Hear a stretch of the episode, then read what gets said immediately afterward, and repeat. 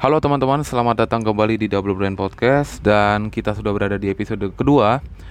Dan di episode kedua kali ini kita akan membahas tentang berita yang lagi viral belakangan ini di dunia maya seperti di YouTube, Twitter, Instagram, Facebook dan lain-lain tentang uh, sebuah film yakni Zack Snyder's Justice League atau yang bisa disebut dengan Snyder Cut.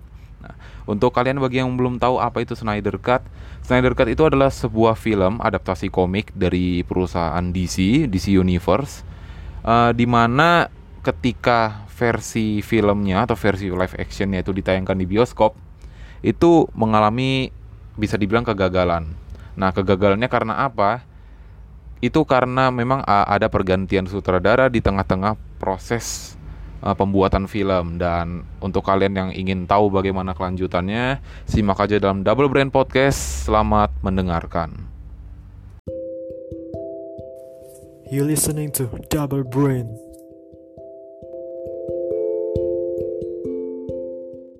Oke kita lanjutkan. Zack Snyder Justice League atau yang biasa disebut dengan Snyder Cut. Dan uh, Snyder Cut ini itu adalah versi original atau versi asli dari film Justice League. Jadi ini adalah film Justice League yang sebenarnya. Dan versi teatrikal yang sempat tayang di bioskop tahun 2017 lalu itu bisa dibilang adalah versi reshoot atau versi remake-nya. Uh, kenapa versi remake-nya? Jadi gini, itu awal mulanya ketika Justice League uh, proses syutingnya sudah berjalan, mungkin proses syuting itu sudah uh, memasuki tahap hampir 96% atau 90 pokoknya 90-an lah hampir mau selesai. Tapi di tengah-tengah proses uh, pembuatan filmnya, sang sutradaranya yakni Zack Snyder itu mengalami sedikit musibah, yakni di mana uh, anak perempuannya meninggal dunia. Dan menurut rumor atau kabar, katanya anak perempuan itu meninggal dunia karena bunuh diri. Nah, setelah itu jadi Zack Snyder uh, memutuskan untuk mengundurkan diri dari jabatannya sebagai director atau sutradara film Justice League dan Warner Bros akhirnya merekrut sutradara baru dan orang itu adalah Joss Whedon. Nah, untuk kalian yang udah tahu siapa itu Joss Whedon, Joss Whedon itu adalah sutradara film Avengers tahun 2012 ya. Kalian bisa cek aja di Google. Joss Whedon. Uh, dia itu adalah sutradara film Avengers tahun 2012 tapi direkrut oleh Warner Bros karena uh, proses syuting yang bisa dibilang uh, apa ya? Karena gini, ketika uh, semuanya sudah berjalan sesuai rencana dan ketika filmnya sudah mau selesai, di mana ketika Zack Snyder itu mengundurkan diri, di situ adalah suatu musibah besar bagi Warner Bros. karena film Justice League itu sudah mau tayang, yakni tepatnya pada ta tahun 2017 bulan November. Nah, pada tahun November uh, pada tahun 2017 bulan November itu itu uh, bisa dibilang adalah hal yang mutlak yang sudah dikeluarkan oleh Warner Bros untuk memproduksi film tersebut di seluruh bioskop yang ada di dunia. Uh, tapi ya karena proses syuting yang sempat berhenti, Warner Bros bergerak cepat dan tanpa pikir panjang langsung merekrut Joss Whedon. Oke, okay? itulah kenapa banyak orang yang menganggap uh, filmnya ini film Justice League yang versi teatrikal yang tahun 2017 itu adalah film gagal karena yang jalan ceritanya itu nggak benar-benar DC banget. Jadi bukan ciri khasnya DC gitu. Anggapannya seperti kayak kita lihat penggambaran karakternya pada aneh semua. Di mana Superman-nya Superman-nya uh, benar-benar OP, Flash-nya yang jadi kayak nggak jelas gitu. Batman yang benar-benar nggak bisa apa-apa. Wonder Woman yang benar-benar anggapannya ketika Superman yang belum ada. Wonder Woman yang bekerja keras sendirian dan Aquaman ya mungkin sama kayak Wonder Woman lah. Jadi anggapannya filmnya tuh aneh. Penggambaran karakternya tuh gagal total. Ya itu mungkin karena memang orang yang uh, membuat filmnya si Joss Whedon ini bukanlah orang yang benar-benar asli dari DC gitu. Nggak seperti Zack Snyder yang memahami bagaimana DC sebenarnya gitu ya. Dan juga uh, banyak kekurangan dalam film ini karena sebenarnya film ini itu berdurasi uh, menurut rumor atau kabar berdurasi lebih dari tiga jam. Bisa dibilang uh, bahkan sudah menyentuh 4 jam gitu durasinya. Kalau memang benar-benar tidak 4 jam mungkin tiga jam lebih. Itu dikarenakan uh, di sini penggambaran karakternya benar-benar komplit. Dan juga uh, banyak kalau kita lihat di versi teatrikalnya ya itu durasi film Justice League itu menjadi sedikit banget. Yang awalnya 4 jam jadi hanya uh, dua jam atau dua jam lebih gitu itu karena banyak adegan-adegan yang di reshoot di cut di remake gitu. Jadi uh, karakter-karakternya itu benar-benar tidak tergambar dengan komplit kalau di versi teatrikal yang tahun 2017 itu. Dan juga ada beberapa karakter-karakter tambahan sebenarnya kalau di dalam versi original itu seperti Martian Manhunter Nah untuk kalian yang nggak tahu siapa itu Martian Manhunter, Martian Manhunter ini adalah salah satu hero Justice League juga. Dia kekuatannya itu uh, seperti menghilang, invisible gitu, bisa menembus dinding dan ular. Jadi dia bisa berubah jadi ular kobra gitu. Jadi uh, bisa dibilang cukup uh, cukup kuat lah untuk superhero Justice League gitu. Jadi sebenarnya dia ada di dalam film versi Zack Snyder atau versi originalnya. Cuma sayangnya di dalam versi teatrikal itu benar-benar dihapus, penggambaran karakternya benar-benar dihilangkan. Jadi yang ki bisa kita lihat di dalam versi teatrikalnya itu cuma ada 6 6 superhero aja yang benar-benar eksis di filmnya yaitu Superman, Batman, Flash, Wonder Woman, Cyborg dan Aquaman cuma 6 gitu. Dan uh, yang kedua ada Atom Nah, untuk kalian uh, sekali lagi nih siapa yang nggak tahu Atom? Atom ini adalah superhero yang bisa dibilang mirip kayak Ant-Man, Ant-Man-nya Marvel gitu. Nah, kalau kita lihat di Ant-Man di Marvel gitu MCU, kita bisa melihat kalau Ant-Man tuh kekuatannya bisa membesar, bisa mengecil, uh, kekuatannya bisa menyusut, bisa juga uh, jadi raksasa gitu ya. Nah, Atom ini sama, tapi dia versi DC. Mungkin membedakan hanyalah mungkin uh, kostum gitu atau memang ya beda universe lah ya itu sudah pasti. Atom dan yang ke uh, tiga itu ada Green Lantern. Nah, kalau di Green Lantern versi teatrikal kita benar-benar dilihatkan memang ada Green Lantern, tapi cuma di sebatas peperangan antara bangsa Amazon, Atlantean dan pokoknya bangsa-bangsa metahuman yang ada di bumi itu melawan Steppenwolf. Pokoknya ada scene, salah satu scene itu di Justice League Theatrical. Dan juga, nah ini, ini yang benar-benar bikin fans DC atau fans-fans uh, film film-film DC gitu kecewa. Kenapa? Dark Side. Untuk kalian yang nggak tahu siapa itu Dark Side, Dark Side itu adalah super villain atau bisa dibilang villain utamanya DC. Dark Side itu mungkin Thanos, tapi Thanosnya versi DC Nah, Darkseid. Darkseid itu punya kekuatan seperti Omega Beam dan dia bisa terbang, dia kuat dan dia sal, uh, salah satu eh bukan salah satu, bahkan dia sudah jadi penguasa planet Apokalips. Dan uh, menurut rumor diceritakan kalau dalam versi DCU ini Darkseid itu adalah saudaranya Steppenwolf. Itu kalau di dalam versi, versi filmnya Justice League uh, Snyder Cut ini sangat berbeda dengan versi komik. Di mana kalau kita lihat versi komiknya, uh, Darkseid ini kan itu ad, keponakannya Stephen Wolf. Jadi Stephen Wolf itu pamannya, bukan saudaranya. Nah, kalau untuk versi filmnya diangkat menjadi live action, itu dia justru bersaudara.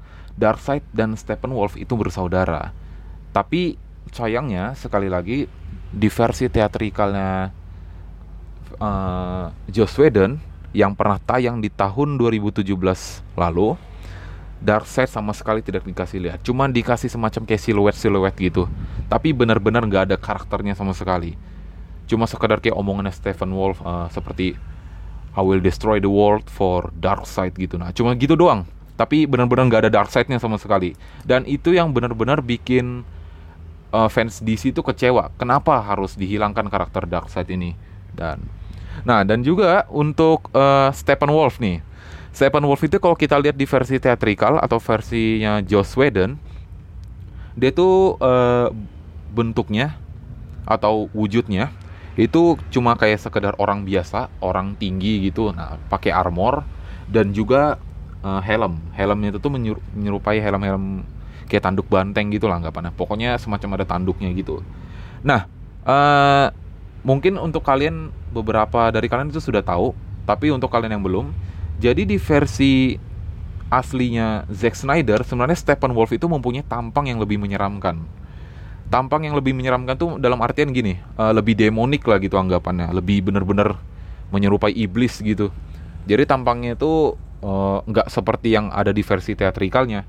Dan kalau kalian memang mau lihat versi aslinya Steppenwolf, versi Zack Snyder, itu kalian bisa lihat di uh, YouTube, cek aja kalian open uh, coba buka Batman versus Superman deleted scene. Nah, di situ kalian akan dikasih lihat di mana ada adegan di mana Lex Luthor bersama dengan Steppenwolf.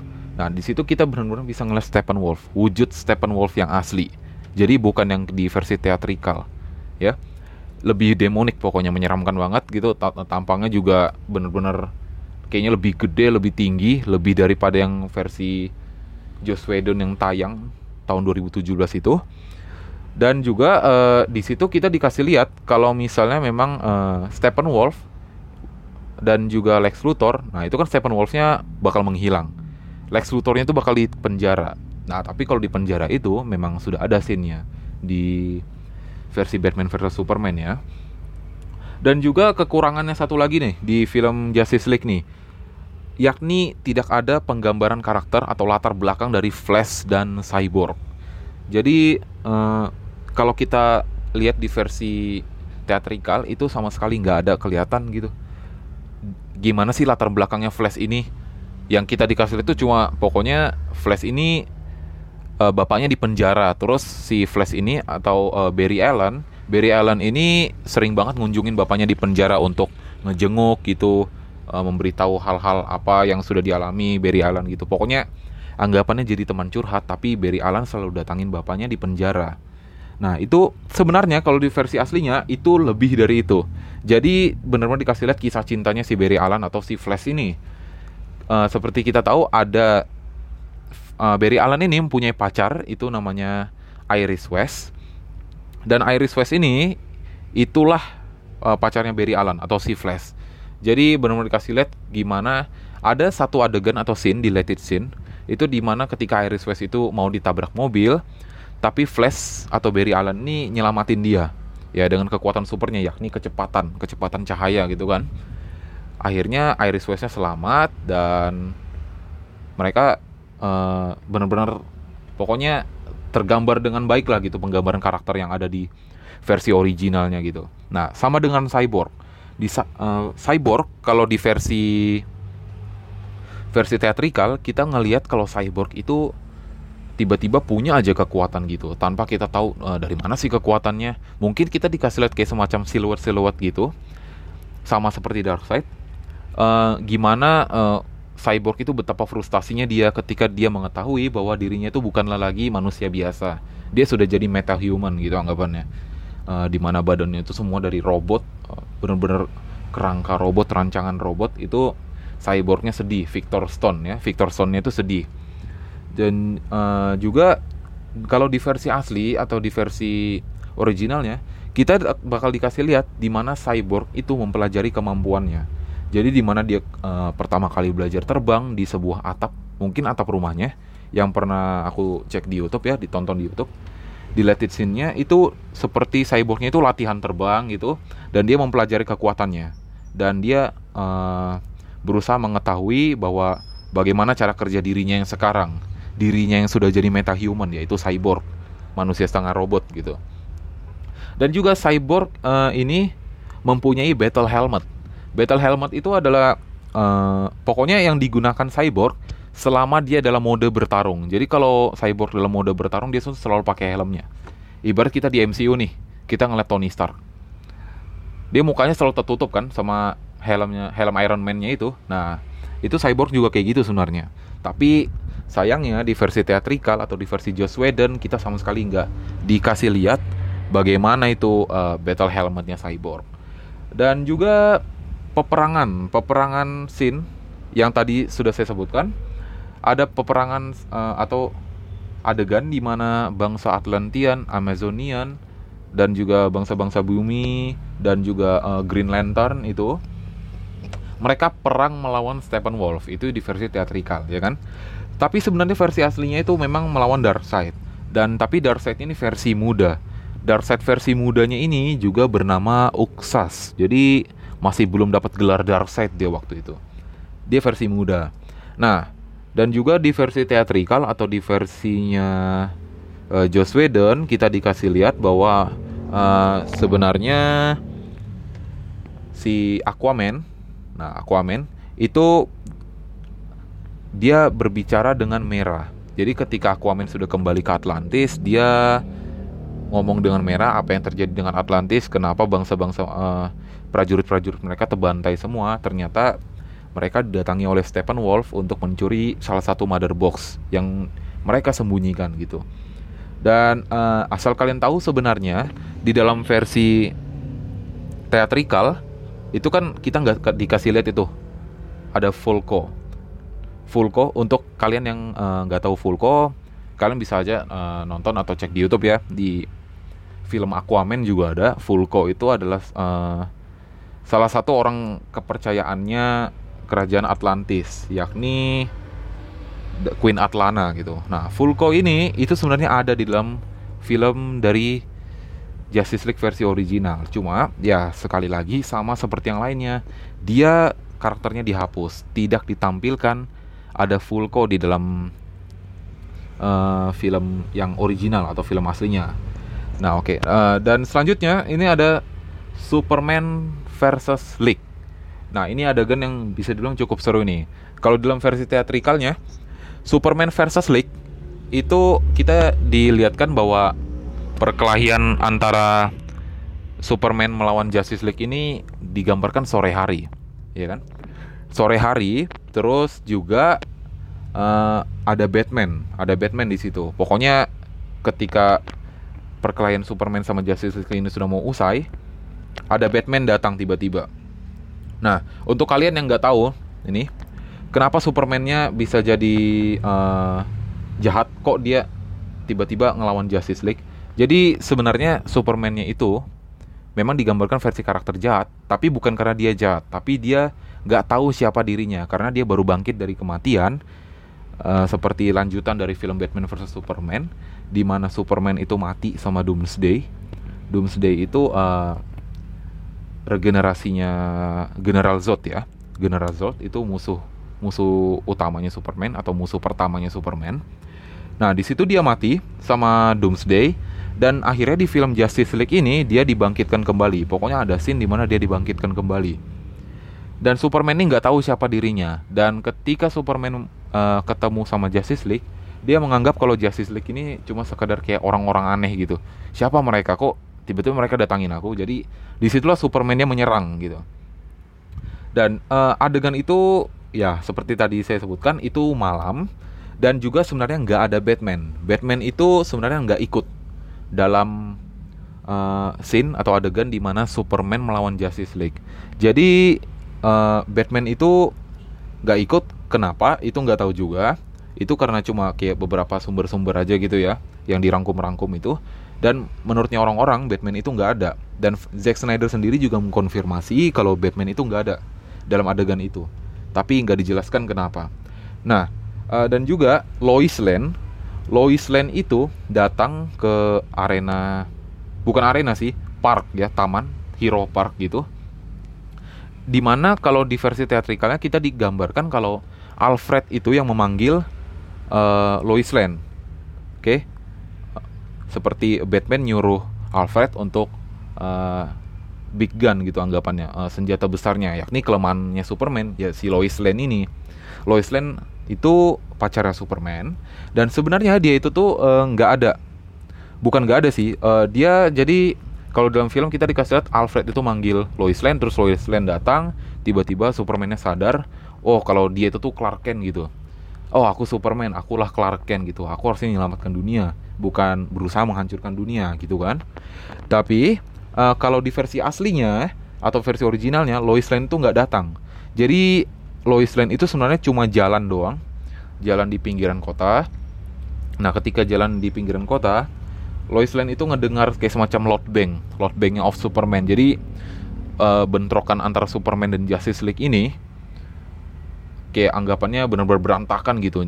Lois Lane ngedengar hal aneh yang terjadi gitu.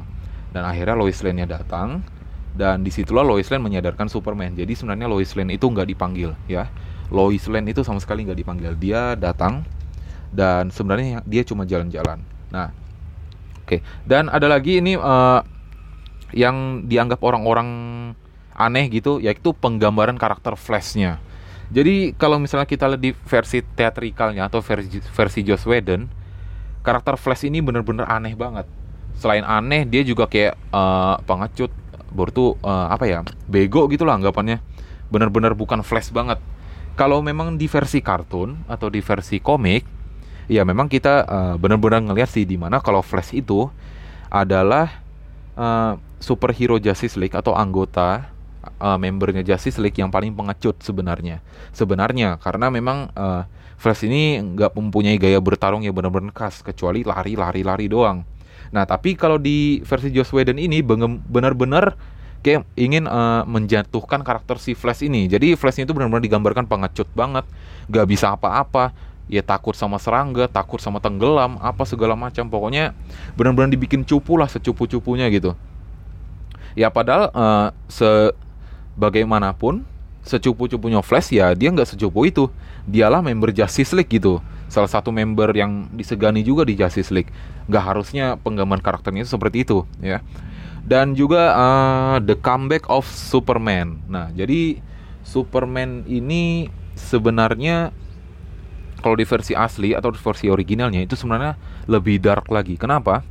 Karena uh, Superman itu dia dihasut oleh Darkseid ketika Lois Lane mati. Untuk kalian yang belum tahu, jadi di film Batman vs Superman itu kita dikasih lihat kalau misalnya uh, Batman itu mengalami mimpi buruk. Nah, mimpi buruknya itu adalah ketika Batman uh, ke masa depan dan ngelihat bahwa kota atau bumi itu sudah hancur karena kedatangan Darkseid ke bumi. Jadi Darkseid itu benar-benar sudah menghancurkan bumi dan dia nguasain bumi benar-benar uh, dibikin hancur total lah gitu hancur lebur pokoknya nah setelah itu Superman datangin Batman dan akhirnya uh, malah Superman nyerang Batman. Itu di Batman versus Superman ya di filmnya. Dan kenapa? Ternyata si Lois Lane ini mati. Lois Lane itu mati dibunuh oleh Darkseid. Tapi Darkseid berbohong kepada Superman dan dia bilang bahwa umat manusia lah atau mankind itu yang ngebunuh si Lois Lane. Bukan dia gitu. Jadi uh, semacam ngadu domba antara Superman dan manusia jadi akhirnya Supermannya marah ke umat manusia dan orang pertama yang diincar Superman itu adalah Batman dan uh, ada juga scene di mana ketika ngeliat kita ngeliat karakter Flash itu datang datang ke mimpinya Batman dan Flash ini si Barry Allen ini dia ngasih tahu ke Bruce Wayne atau Batman bahwa Lois Lane is the key. Jadi Lois Lane itu benar-benar kuncinya. Dia yang benar-benar uh, cuma bisa mengendalikan Superman. Karena Superman itu kita tahu ya, biar kata karakternya kuat, tapi lemah sama wanita gitu. Nah, itulah uh, yang dimaksud sama Barry Allen atau Flash gitu.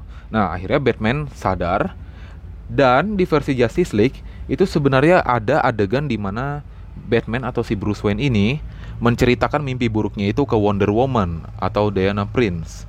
Tapi uh, ya sekali lagi adegan itu benar-benar dihilangkan atau di uh, reshoot lah anggapannya. Jadi di cut, di remake gitu. Benar-benar yang bukan bukan versi Zack Snyder itu nggak dianggap lagi gitu. Jadi benar-benar Joss Whedon versinya Joss Whedon banget dah. Dan itu juga lah mungkin uh, salah satu anggapan orang-orang kenapa film Justice League ini gagal. Kenapa? Karena ada campur tangan bisa dibilang campur tangan Marvel lah di dalamnya. Karena kalau kita tahu uh, gini, kita film-film MCU nih atau film Marvel gitu. Film Marvel itu kan kita terkenal akan uh, like ya. Like dan juga fun gitu, banyak adegan ngelawaknya dan mungkin orang banyak yang suka kayak gitu. Tapi DC ketika dibikin film kayak gitu, itu banyak orang yang nggak senang dan banyak yang nganggap itu bukanlah DC banget gitu jadi uh, benar-benar aneh gitu kok DC ada ngelawak-ngelawaknya sih terkecuali Shazam ya kalau Shazam itu karena memang diceritakan karakternya itu berasal dari anak-anak jadi uh, terkecuali Shazam uh, Justice League ini harusnya nggak seperti itu Jadi uh, Justice League DCU ini harusnya nggak seperti itu. Entah kenapa Joss Whedon mengubahnya seperti itu. Si sutradara barunya ini mengubahnya seperti itu. Mungkin karena ya seperti kita tahu dia pernah menangani film The Avenger 2012. Kita lihat memang uh, filmnya epic ya, bagus banget itu Avenger 2012 di mana kita ngelihat uh, banyak banget adegan funnya baru tuh latar belakang atau suasana itu yang like banget perkelahian dan pertarungan itu tuh siang. Nah harusnya Justice League itu nggak begitu film DC itu nggak begitu. DC itu tuh lebih identik dengan dark malam baru bener-bener uh, musik-musik di dalam film itu tuh menegangkan gitu dan juga uh, bener-bener bikin maco adrenalin lah pokoknya nggak ada sama sekali adegan-adegan fun gitu harusnya tidak ada cuma ya nasi pun sudah menjadi bubur sebenarnya. Jadi itulah yang dibuat Joss Whedon untuk Justice League versi teatrikal kita. Untuk mungkin untuk fans DC itu banyak banget masih yang nggak terima ya. Seperti yang pernah aku cek di YouTube, di Twitter, Instagram gitu. Banyak banget yang nggak suka sama Joss Whedon karena perbuatannya uh, bikin film Justice League atau film DC ini jadi kayak gini. Jadi aneh gitu anggapannya bukan DC banget. Banyak yang gak senang, banyak yang hujat dan akhirnya orang-orang memutuskan untuk uh, bikin tagar atau hashtag release the Snyder Cut karena orang bener orang-orang itu bener-bener pengen lihat versi darknya DC gitu nah karena itu sudah jadi ciri khasnya ciri khas DC dan juga durasi film. Nah kalau kita bicara durasi film nih sebenarnya durasi film DC yang asli itu tuh uh, seperti yang pernah seperti yang tadi aku bilang ya itu sebenarnya lebih dari tiga jam. Menyentuh 4 jam. Jadi benar-benar durasinya lama. Dan ya sayangnya di versi teatrikal atau yang sudah pernah tayang itu benar-benar banyak adegan yang terpotong-potong atau di reshoot, di remake gitu, di cut-cut pokoknya hingga akhirnya jadi aneh banget. Dan uh, selanjutnya lagi ada final battle. Nah, final battle ini ini yang benar-benar fatal banget. Karena ini adegan yang bisa dibilang vital. Kita di kalau di versi teatrikal kita bisa ngelihat itu di mana kalau Superman-nya itu ketika datang membantu Justice League OP banget jadi overpower banget Stephen Wolf itu benar-benar nggak berkutik ngelawan uh, Superman jadi nah banyak juga orang yang tidak senang. Bahkan fans Marvel pun ngolok-ngolok film tersebut film Justice League tersebut. Ya dibilang apaan itu? Uh, Superman OP banget. Itu superhero nya harusnya nggak begitu. Ya memang sebenarnya benar. Superhero itu tuh kalau kita uh, buat film gitu harusnya jangan terlalu OP. Itu benar seperti apa yang dikeluhkan oleh fans. Dan di final battle itu harusnya uh, juga di akhir ketika kita ngelihat di mana Stephen Wolf-nya kalah, itu sebenarnya Stephen Wolf itu kalahnya bahkan bisa dibilang lebih epic.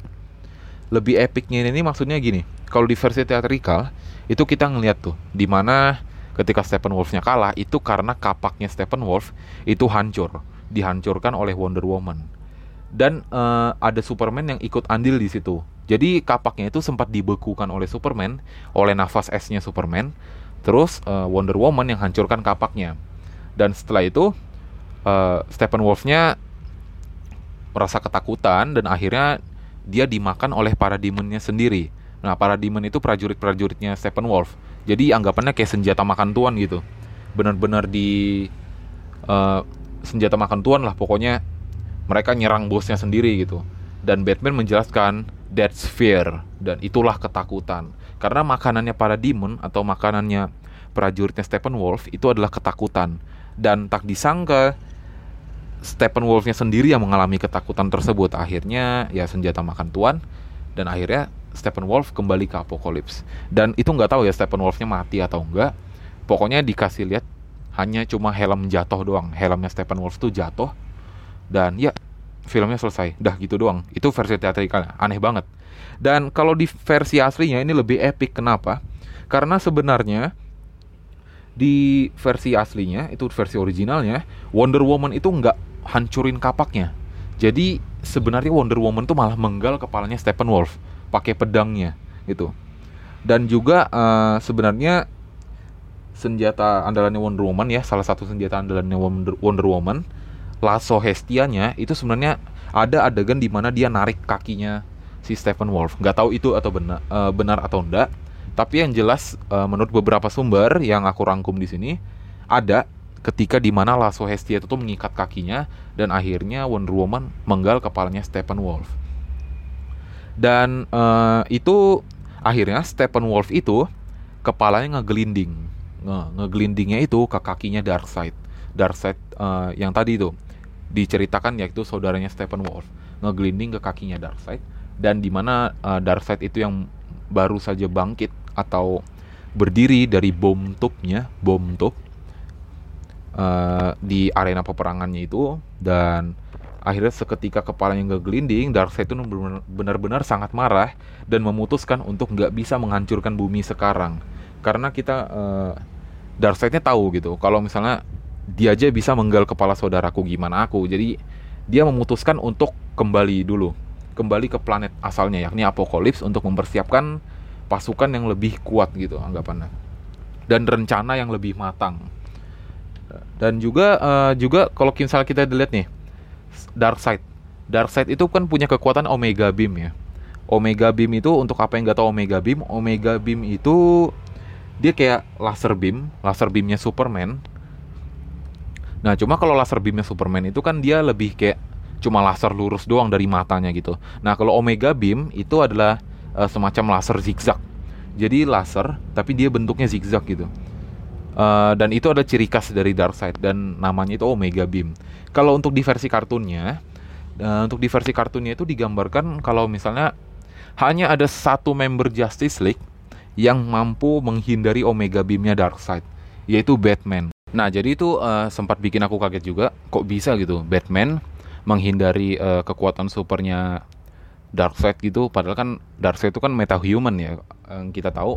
Dia itu alien malahan dari planet Apocalypse bersama dengan Steppenwolf. Tapi mampu uh, menghindari ability spesial dari Darkseid itu sendiri yakni Omega Beamnya. Jadi uh, di kalau di versi kartun itu digambarkan bagaimana Batman menghindarinya itu dia sekedar cuma lari-lari doang lari-lari ngegocek-gocek gitu tahu-tahu salah sasaran gitu yang kena malah para demonsnya bukan si Batman ini. Nah itu juga yang sebenarnya bikin jadi uh, banyak fans kecewa. Seandainya ada ada Dark Side di versi teatrikal, mungkin uh, kita nggak akan sekecewa inilah anggapannya gitu karena sudah filmnya aneh gitu dan benar-benar nggak sesuai harapan dan ini juga filmnya itu bukan ciri khas DC banget untuk yang versi teatrikalnya ya itu bukan DC banget jadi benar-benar nggak nggak sesuai sama apa yang diharapkan oleh fans lah. Nah, jadi uh, itulah yang mungkin eh, pembahasan-pembahasan kita hari ini tentang uh, perbedaan antara Snyder Cut dengan Justice League atau Joss Whedon Justice League. Jadi itu bisa dibilang uh, ini adalah berita yang cukup uh, menggembirakan bagi para fans DC ya uh, dan bagi para penggemar film juga mungkin sedikit antusias untuk uh, mau tahu filmnya karena filmnya ini sudah akan mau ditayangkan pada tahun pada tahun 2021 nanti di HBO Max. Jadi uh, benar-benar Warner Bros. atau WB itu sudah ngasih izin untuk uh, penayangan film ini. Dan juga uh, mungkin segitu aja pembahasan kita kali ini ya tentang uh, topiknya yakni Snyder Cut dan semoga itu sedikit bisa menjadi info masukan atau uh, buat kalian yang sudah anggapannya uh, penasaran lah penasaran total gitu gimana sih film uh, Snyder Cut atau Snyder's Justice League ini. Dan juga uh, terima kasih untuk kalian yang sudah mendengarkan. Mungkin beberapa dari kalian ada yang bertanya kenapa ada jeda uh, jeda episode 1 dan episode 2 podcast ini? Itu lama banget gitu. Ya mungkin uh, maaf ada beberapa urusan yang nggak bisa kita lewatkan gitu jadi kita ngambil jeda yang cukup panjang dari episode ke satu dan episode kedua. Dan oke, okay, uh, eh, nampaknya segini aja topik kita hari ini. Saya David Lubinson di Double Brain Podcast. Uh, terima kasih sudah mendengarkan. Sampai jumpa di episode ketiga.